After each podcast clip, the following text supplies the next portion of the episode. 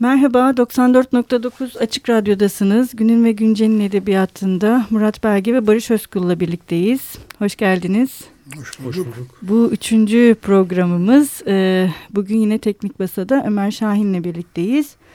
Ee, en son programımızda eleştiriden e, ve eleştirinin Türkiye'deki makus talihinden bahsetmiştik. E, bugün biraz e, şeylere girelim. Diğer iki programda bahsedemedik.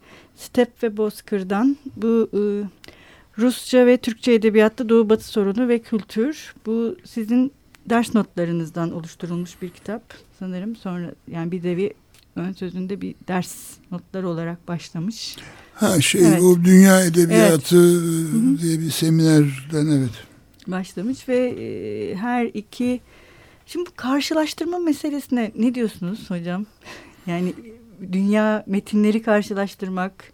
Yani sonuçta modernlik o da çok tartışılan bir şey ya artık. Modernlik tecrübesi dünyanın her yerinde tabii ki aynı şekilde yaşanmıyor ama tabii, yaşanıyor. Tabii. Ve hani Rusya'da ve Türkçe'de de bu modernlik tecrübesi farklı yaşanmış.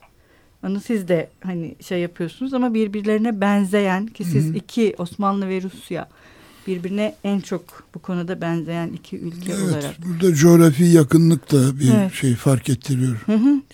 Yani bu kitap bir de Step ve Bozkır. Neden hmm. Step ve Bozkır oldukça şey. İlk başta biraz anlaşılmıyor ama sonrasında e, anlıyoruz. İşte çeviri, ilk çeviri eserlerin ortaya çıkması, yurt dışına öğrencilerin gönderilmeye başlanması neredeyse bu modernlik tecrübesini böyle silsile halinde iki ülkede aynı şekilde yaşıyorlar. Ee, şey var aralarında önemli niceliksel evet. farklar var. Hı hı. Rusya'da daha çok öğrenci mesela. Evet yani her bakımdan çok daha radikal ve e, daha çabuk davranıyor hı hı. Rusya. Büyük ölçüde Petro sayesinde. Evet mesela bunu e, bu militarist modernleşme kitabını yazarken mi düşündünüz? Özellikle edebi bağlamda Rusya ve Türkiye'yi ya da Osmanlı'yı ayrı bir şey olarak yazmayı ee, yani neden bu aklınıza geldi? Ya da sizi böyle bir kitap yazmaya iten şey ne oldu? Bu, bu meseleyi birlikte düşünmek. Bunu mesela şey gibi e, militarist modernleşme gibi bir düşünsel evveliyatı yok. Hı hı. Ee, bir, bir anlamda yani şöyle bir kitap yazayım ben hı hı. diye bir şey hazırlığım yok. Ama belki militarist modernleşmeden falan hepsinden çok daha önce içinde olduğum bir sorunsal. Onun için hep kafamın bir yerinde bu yani mesela orada bir işte Şevket Süreyya'dan verdiğim Hı. bir alıntı vardır falan. E, yani onu ben e, suyu arayan adam çıktığında daha Hı. 60 öncesi okumuştum. O zamandan beri aklımda olan işte Rusya'yı anlamak için e, aklımdan geçirdiğim falan bir şey. Yani o bakımdan e, bunu bir kitap haline getirme düşüncesi olmaksızın hep içinde nefes aldığım bir şey bu. Burada mesela şeyler de önemli işte Türk Edebiyatı'nın siyasi tipleri yani bu siyasi tip kavramına giriş yapmanız. Sonrasında bu lüzumsuz adam hani hmm. e, verimsiz üretken şey. meselesi.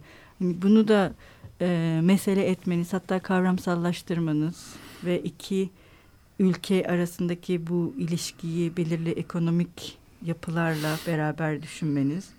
E, bu mesela yine çok Türkçe'de olan bir şey mi? Mesela lüzumsuz adam yani kahramanların bir soy ağaçlarının çıkarılması, onların birbirleriyle akrabalık ilişkilerinin gerek dünya gerek Türkçe edebiyatta hani kimin kiminle nereye oturduğu yani ya da edebi metinleri böyle düşünmek daha büyük hmm. bir şeyle. Yani bilmiyorum bana yani en azından Step ve Bozkır hani o dünya edebiyatına eklemlenen daha geniş bir yerden hem edebi metinlere tek kendi içinden değil de biraz bir metnin diğerine neyi taşıdığı, ötekinden neyi götürdüğü ve nasıl bir etkileşim içerisinde olduğunu da göstermek. Böyle bir e, derdiniz var mıydı? Var. Şimdi demin karşılaştırma diyordun. Karşılaştırma bence şey edebiyatın çok temel bir ihtiyacı. Hı hı. Ee, yani edebiyatçıları bu bakımdan şey kuşlara benzetmek mümkün. Hani işte leyleklerde bilmem kaç memleket üstünden geçip gidiyorlar. Hı hı. Yani yolda pasaport göstereceğiz işte şunun da vizesini alalım falan diye bir kaygıları yok. Edebiyat ve sanatta böyle bir şey. Yani sınır, Hı. Yani kendi yapısı, kendi mahiyeti gereği sınır tanımayan bir Hı. şey. Aslında bu karşılaştırmalı edebiyat bölümleri ta 19. E, yüzyıl sonunda başlayan bir şey. Şimdi yani edebiyat tarih bölümleri önceki programda da hı hı. konuştuyduk. Ulus yaratmanın başlıca şeyleri e, imalathaneleri gibi görülür. E, ama yani bunu sonuç olarak edebiyatı edebiyat seven adamlar öğretiyorlar ve bir zaman sonra diyorlar ki ya bu bizim öğrettiğimiz bu şekilde edebiyat yeterli değil. Evet. E, şimdi İngiltere'de ben e, edebiyat öğretiyorum. E, Henry Fielding Tom Jones'u yazdı.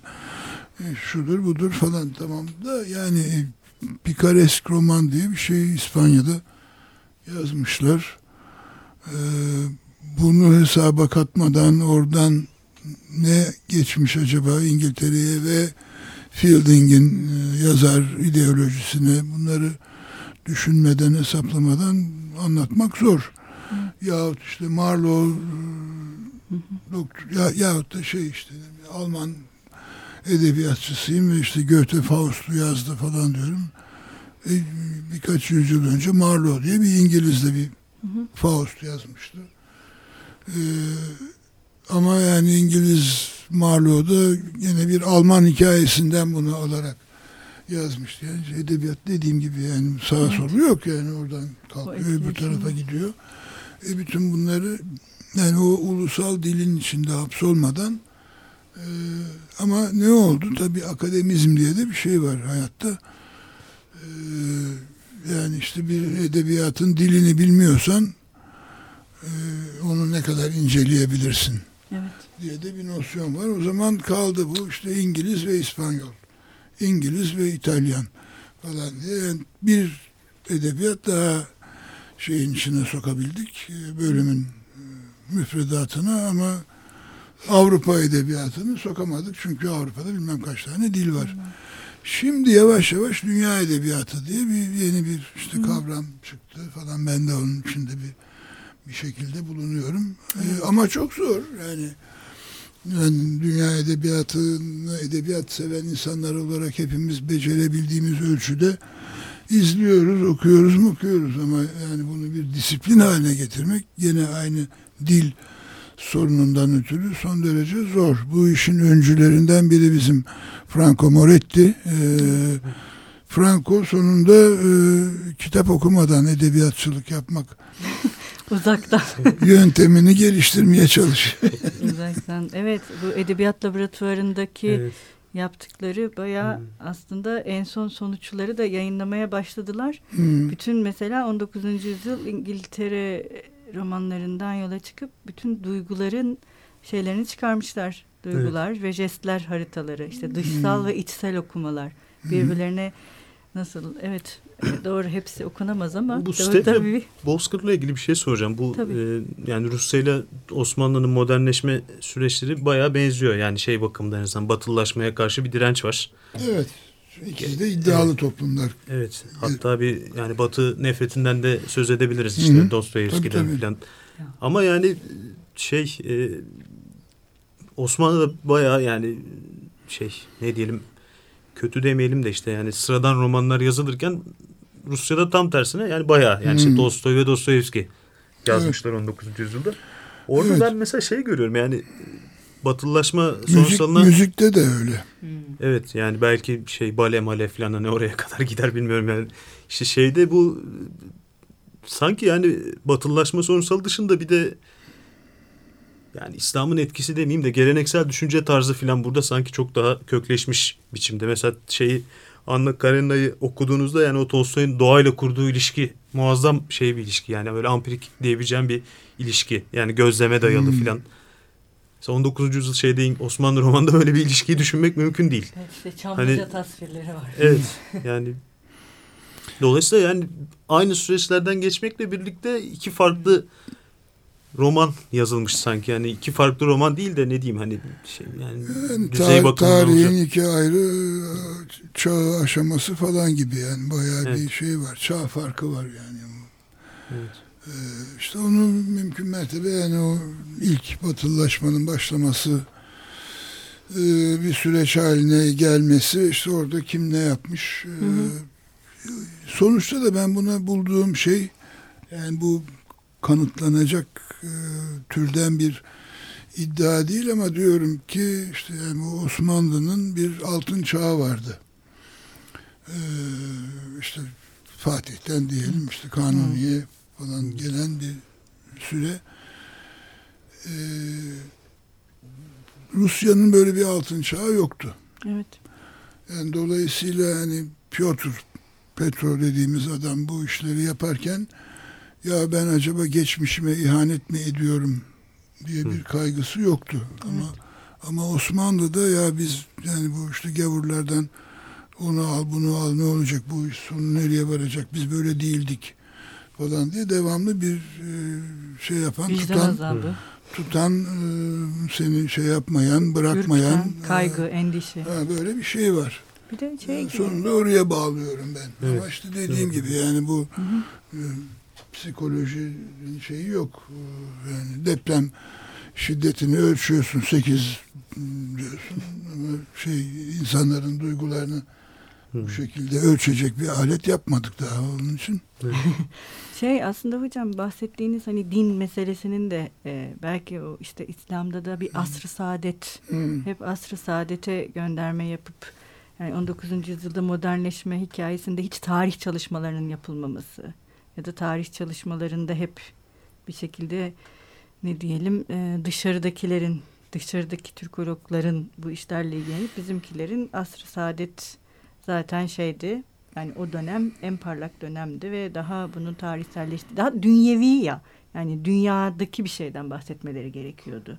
O dünyevilik meselesi de belki onları biraz rahatsız etmiş. Bizde bu şey asr saadeti bir e, ciddi yani bir laf ola, ola bir söylenen bir şey olmaktan çıkarıp bir ideoloji haline getiren Kadızadeliler hareketidir. Bu da 17. yüzyıldır ama e, devletin hoşuna gitmemiştir böyle bir şeyin ortaya çıkması. Yani o dördüncü Murad'ın işte içki, kahve bilmem tütün yasakları falan da hep bu şeydir. Yani merak etmeyin devletiniz gerekeni yapıyor. Yani Kadızadelileri şey e, nötralize etmek için. Ama sonra bunu şey e, Mehmet zamanında Köprülü Mehmet Paşa halleder. Yani o zaman gene görürüz ki işte Türkiye'de hep olan bir sürü bir şey gibi bunda uzun boylu bir köklendiği falan yokmuş. Hı hı. Onun için bir adam gelip ben bunu süpüreceğim deyince süpürmüş. Hı hı. Ee, ondan sonra e, şeye kadar yani bu 20. yüzyılın ikinci yarısına kadar bizde asr saadet bir şey olmak e, e, bir, bir geçerli bir ideoloji olamıyor. Ben bir şey soru tabii. sorabilir miyim? Bu tabii, tabii. programın adı Günün ve Güncel'in edebiyatı evet. olduğu için. Evet. Şimdi e, Marksist estetikte bir şey e, öyle bir tarihsel bir şey e, şema gibi bir şey çıkartıp e, işte sanatın aldığı geçtiği şeyleri süreçleri açıklıyorsun. Önce işte e, yansıtma şeyi hmm. teorisi ondan sonra hmm. yaratma, yaratma teorisi hmm. romantizmle birlikte başlayan süreç. Sonra yeniden üretim olarak sanat e, hmm. diye bir şey teori ortaya atıyorsun. Orada şunun sanatın bir dışsal koşulları var. Sanatın şeyini e, üretimini belirleyen bir takım dışsal koşullar var. Bir de işte bir önceki programda bahsettiğimiz estetik ideolojisi. İç, iç sanatın kendi iç ögelerini bunlar yerde değiştirebilir. Birbirleriyle farklı ilişkiler içine de girebilir. Böyle genel bir şey çerçeve içinde bunları e, yani ikisini bir diyalektik demeyelim de birbirini etkiledikleri bir süre içerisinde düşünmek gerektiğinden söz ediyorsun. Sonra şu örneği veriyorsun orada. 19. yüzyılda işte İngiltere'de romanlar çok böyle şeydi. Hacimli romanlardı. İşte 800-900 sayfalık hmm. romanlar yazılırdı. Çünkü işte gezici bir takım kütüphaneler vardı Kütüphane. ve bunlar insanlara kitapları ödünç verirlerdi filan. Evet. 2-3 cilt yazmalarını her üç cilt. Evet. evet. İşte dolayısıyla yani şeyde olay örgüsü de alabildiğine uzatılırdı falan hmm. yan karakterlerle filan. İşte lüzumsuz ayrıntılarda. Ee, tefrika ya da işte, edilmesi evet, mesela. Romanlar Tefrikanın edildi. heyecanlı bir noktada kalma evet. gereği falan. Ee, şimdi bu yeniden üretim çağını da geçtik. internet çağındayız. Bir daha başka bir yeniden hmm. üretim var. Yani artık kitlesel yeniden üretim mi diyeceğiz? Ne diyeceğiz? Sanatın hmm. kitlesel yeniden hmm. üretimi. Şimdi ise yani böyle herkesin yazar olduğu, herkesin Hmm. şey Ya. yaratıcı yazar olduğu bir döneme geçtik. İşte Evet. bloklar, müloklar falan var. Ve romanlar da işte 100 sayfa, 150 sayfa falan artık. Yani Kısalıyor. birçoğu yani novella hı. aldı. Çok yazılan şey. Burada bence yani e, şeyde de siyasette de artık e, aracı kurumlardan falan nefret eden bir tip ortaya çıktı. Yani doğrudan doğruya işte temsili demokrasinin o kurumlarından, parlamentodan ya da daha alt kademedeki kurumlardan nefret eden doğrudan liderin kendisiyle ilişki kurmak isteyen işte. Aracılar. Erdoğan gibi Trump gibi liderlerin işte şey yaptığı yani çok sevdiği bir toplumsal tip ortaya çıktı. Edebiyatta da sanki yine bu sosyal medya falan bunların da etkisiyle işte Twitter, işte Hı. Facebook falan buralarda kısa bir takım mesajlar veren, sözü çok uzatmayan Evet. yani bu böyle bir şey estetik anlayışı yavaş yavaş yerleşiyor. Sen mesela burada hani o senin Marksist estetikte koyduğun şey e, sorunsal çerçevesinde düşünürsen e, yani nereye doğru bu, bu bu gidişat buradan iyi edebiyat çıkar muhtemelen çıkar ama yani nasıl olur yani bütün bu şeyin içinde e, işte diyelim ki yani her gün her ay yüzlerce roman yazılıyor ve içinden işte bir iki tane iyi e, şey okuyoruz ama daha genel bir şey var yani böyle bu edebiyat sanki hani ne diyelim yani radyonun televizyonun bir yerini almaya başladı gibi geliyor bana. E, evet bu böyle bir şeyin farkındayım ben de ve önem de veriyorum. E, şu durduğumuz yerde nereye varır e, epey spekülatif bir konu. Çok e, kesin bir şeylere bağlamak zor. Ben bunun benzer bir şeyini de bir de bu Osmanlı'da Kurumlar ve Kültür diye bir kitabım var. Orada e, da girdim bu sanatlar, edebiyat falan şeyinde bahsinde. Şimdi malum bu bizim e, Orta Doğu, Doğu şeylerinde, kültüründe falan. Şimdi mesela hani kitap dediğin şey işte bunun e, deriden cildi, cildinin süslemesi için işte tesiple başlar, kaligrafi bilmem ne. Yani bunlar adeta kitabın kendisinden daha önemlidir. E, ve eline bir kitap aldığın zaman e, yani o kitapta yazan ne, ne işte o roman mıdır, şiir midir olabilir. E, fakat onun yanı sıra işte cildi, şusu busu, ebrusu bilmem ne bir yığın sanat bir araya gelmiş ve estetik bir nesneyi eline alıyorsun her tarafından estetik akan. E, ve bu mesela kitapta böyle ama yani işte şey, banyo, hamama gireceksin. Nalın giyiyorsun ayağını. işte o nalında sedefler, neler şey. e, yani e, hayatta kullandığımız en sıradan nesneleri bir sanat eseri haline getiren bir şey var. Bu batıda da böyle başlamış. Yani bu Germenler e, diyelim yani bunların gene kitap süslemeleri var. İncil'lere falan yaptıkları daha taze Hristiyan olmuşlar. İşte kitabı süslemek istiyor. Ya işte ne bileyim Viking kayıklarını düşünün. Yani o Viking kayıklarının işte ejderhaları vardır burunlarda falan. Bunlar müthiş bir şeyle e, ince eleyip sık dokuyarak süslenir. E, ama yani onları yapan yani teknikman o üstünlük derecesine de gelmiş olan Viking'in aklından oturup da roman yazmak gelmez yani o tür bir bunu aslında Batı işte Rönesans'la falan perçinleyerek geliştiriyor. Yani bir aşamasında tarihin e, sanatçı diye biri çıkıyor. İşte bugün de mesela sinema, otör sineması falan gibi laflar vardır. E, sinema dediğin şey yani kameramanından, şusundan, busundan, senaristinden yani çok kolektif bir şey.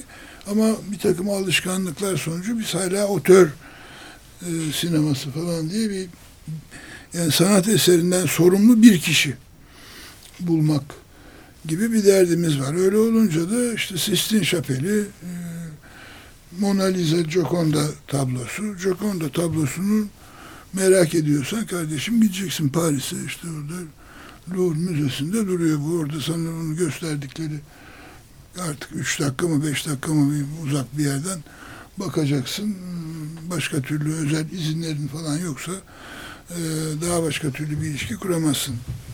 Reprodüksiyon çağı işte bu Benjamin'in de yazdığı falan bunlar birdenbire değişmeye başlıyor. Yani Musa heykelini yapmış Michelangelo o da bir yerde duruyor. Gidip ancak orada bunu görebilirsin. Fakat şimdi bir adam diyor ki ya Musa heykelinin işte resmini de gö- gösteririm falan. Fakat yani mesela şu şey e, biz burada konuşuyoruz mikrofona mikrofon işlevi olan bir nesne, bir alet.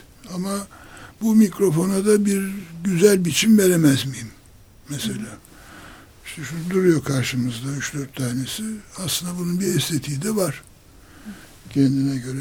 Ya da işte o zaman hani hamama giderken giydiğin takunyadaki sedef gibi bir başka türlü bir e, mantığa giriyorsun ve bu otör falan dediğimiz adeta mistik şeyleri, özellikleri olan yaratıcı sanatçıdan daha artizanal bir şeye geliyorsun. Ve işte artizan deyince de o zaman artizan tweet de atıyor. Ee, benim, benim aklımdan şöyle bir şey geçti diyor. Ya işte bilmem deniz kenarında giderken işte rüzgar Hmm, şöyle bir Anında etkileşime de geçiyor. etki yarattı bende diyor. Bilmem ne bunu paylaşıyor. Şimdi dolayısıyla yani bunun bence bir geleceği var. Yani bu iletişim araçları bu şekilde geliştikçe insanların iç dünyaları e, zaten hani taşmaya hazır ama şu aşamada biraz uzatıyorum lafı ama bunu da söylemem gerek herhalde. Şimdi ben, ben çok e, böyle konuşan bir adamım. İşte bir yerlere davet edilirim. E, işte konferanslar veririm falan filan. Konferans biter işte sorular falan faslına gelir. Genellikle e, genellikle demem çok zaman hatta şey yani düşmanca diyebileceğim bir tavırla bir şey soran ya kendi şeyini alternatif görüşünü ortaya koyan insanlar çıkar falan böyle. Biz beş kişi soru sorar yani bütün o şeyde. E, bunun dördü böyle ya incir çekirdeği doldurmaz. Şimdi yani ben o konuşmayı yaptım. işte bu beş kişi de soru sordu. Ya ne geldim buraya işte lüzum yoktu diye gidebilirim. Halbuki o soru sormayan 45 kişi ya bir şey anlatmış oluyorum Evet. aslında. Ama onlar kalkıp böyle bir şey yapmıyorlar. Onlar ben de bir çıkayım, ben de bir konuşayım falan gibi bir kaygıları yok, bilmem neleri yok. Yani şimdi bu şeyin elektronik aletlerin yaygınlığının erken sonucu da bu. Evet. Yani bir takım adamlar Doğru. öfkeli bilmem ne işte birilerine düşman falan bunlar çok şey köklü duygular insanlarda. Bakıyorsun o adam oradan bir küfürname yazıyor rahatlıyor falan. Ee, yani onu okuyan rahatsız olan bilmem ne olan böyle de şey yazılır mı diyen adam kendi bir şey yazmıyor. Evet. Yani şimdi yavaş yavaş belki bu başlayacak. Yani sahiden kafasında düşünceleri olan, sahiden kafasında düşünceleri olduğu için daha ihtiyatlı davranan, kendi düşüncesine de ihtiyatlı bakan, bekleyen, bilmem ne yapan insanlar yavaş yavaş sahneye çıkmaya başlayacak. Yani işte o sahneye gelip de hepinizden nefret ediyorum diye bağıran adam artık yani onlar gene olacak muhtemelen falan filan ama yani şey onlar belirlemeyecek. Şimdi onlar belirliyor. Hele işin içine bu işte şimdi bizde olduğu gibi siyaset bilmem ne ciddi takım tutma şeyi içinde ruhu içinde işte siyasi mesaj verenler falan da olunca buradan bir e, yani çok kötü bir şey Evet. e, bit pazarı kargaşalığından başka bir şey göremiyorsun. O da yanıltıcı da olabiliyor yani bundan iyi Hı. şeyler de çıkabilir bence. Evet, çok teşekkür ederiz burada üç haftadır bizlerle birlikte olduğunuz için. Ağzınıza sağlık. İyi ki Sağ olun, geldiniz. teşekkürler. Hoşçakalın. Görüşmek üzere.